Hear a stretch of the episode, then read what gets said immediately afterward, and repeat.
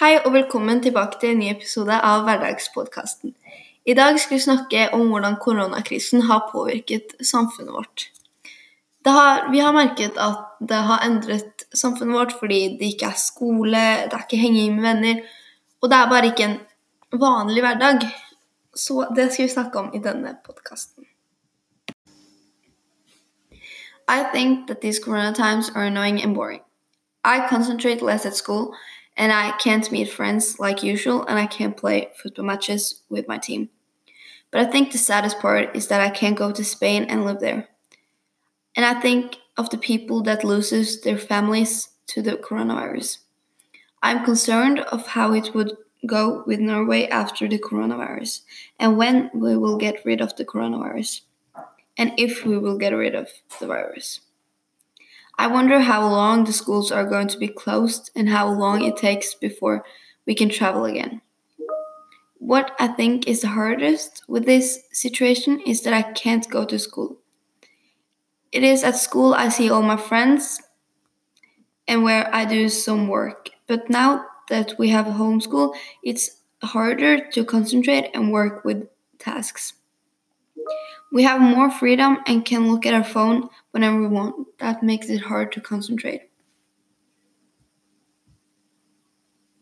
Nå skal vi snakke om risikogruppene.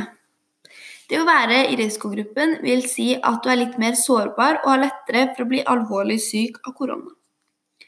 Vi leste tre forskjellige artikler der de eldste i artikkelen sa at de ikke er redde eller bekymret for seg selv, men de tar fortsatt dette koronaviruset på alvor. Det var noen som sa de gledet seg til å dra til Gran Canaria og komme seg ut på ferie. Mens de som har barn som er alvorlig syke, er mer redde for dette viruset. Moren til den 13 år gamle jenta var veldig redd for at datteren kunne bli syk og dø, mens Rebekka, som er kreftsyk, vil leve for barna hennes. Jeg tror det må være veldig skummelt å være i risikogruppen, fordi du ikke vet om dette viruset kan drepe deg eller ikke. Det er viktig å vaske seg på hendene ofte, bruke antibac og holde seg to meter unna hverandre. Hvis alle gjør dette, kan det være færre som blir smitta, da kan de som er i risikogruppene, ha mindre å bekymre seg over. Hvis du er ung og frisk og ikke i risikogruppa, er det fortsatt viktig å bry seg om dette og følge tiltakene. Det kan være at du har blitt smittet uten å vite det. Hvis du da møter en kreftsyk person som er i risikogruppa, kan dette være alvorlig for den kreftsyke personen. Så det er fortsatt viktig å følge alle reglene og forholde seg til de.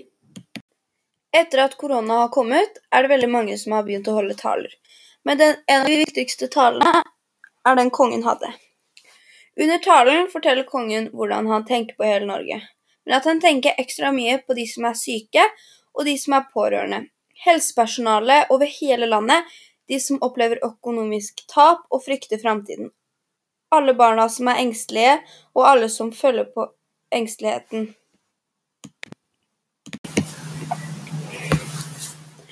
Det kongen mener med vi har politiske ledere og fagmyndigheter med mot og kunnskap til å møte situasjonen med ærlighet og realisme er at de jobber på spreng for å takle situasjonen vi er i nå, og er ærlige med oss. Det er viktig at de har kunnskap rundt dette, sånn at resten av landet skjønner dette og hvordan situasjonen vår er. De må ha kunnskap om hva vi skal gjøre under denne pandemien, og hvordan vi skal forebygge smitte. Det kreves mot for å ha ærlighet og realisme, fordi det kan være et sårt tema som mange synes er skummelt. Derfor må vi ha mot til å være ærlige om temaet. Det motsatte av tillit er å ikke stole på noen.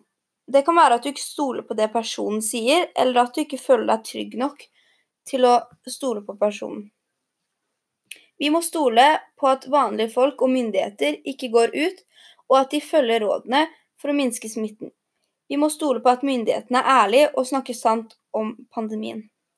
Det er viktig med tillit, sånn at landet kan føle seg trygge, og sånn at man føler seg trygt og må åpne seg, og at det blir bedre kommunikasjon.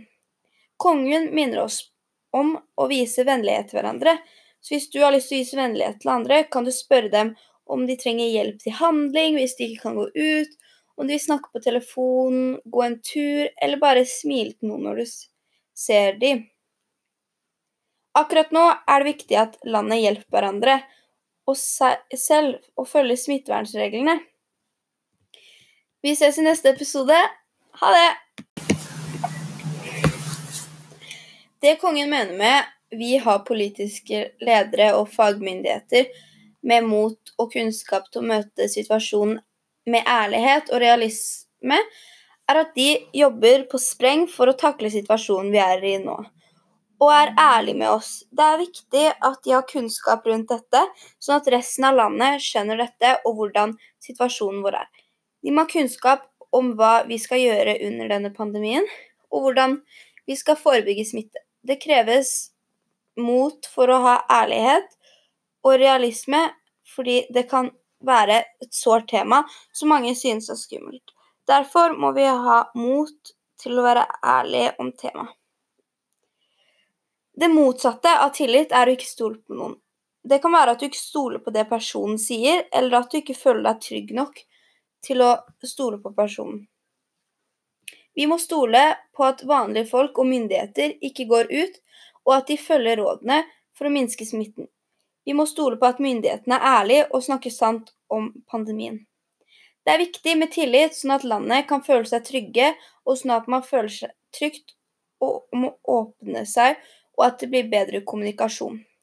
Kongen minner oss om å vise vennlighet til hverandre, så hvis du har lyst til å vise vennlighet til andre, kan du spørre dem om de trenger hjelp til handling hvis de ikke kan gå ut, om de vil snakke på telefon, gå en tur eller bare smile til noen når du ser dem. Akkurat nå er det viktig at landet hjelper hverandre og selv og følger smittevernreglene. Vi ses i neste episode. Ha det!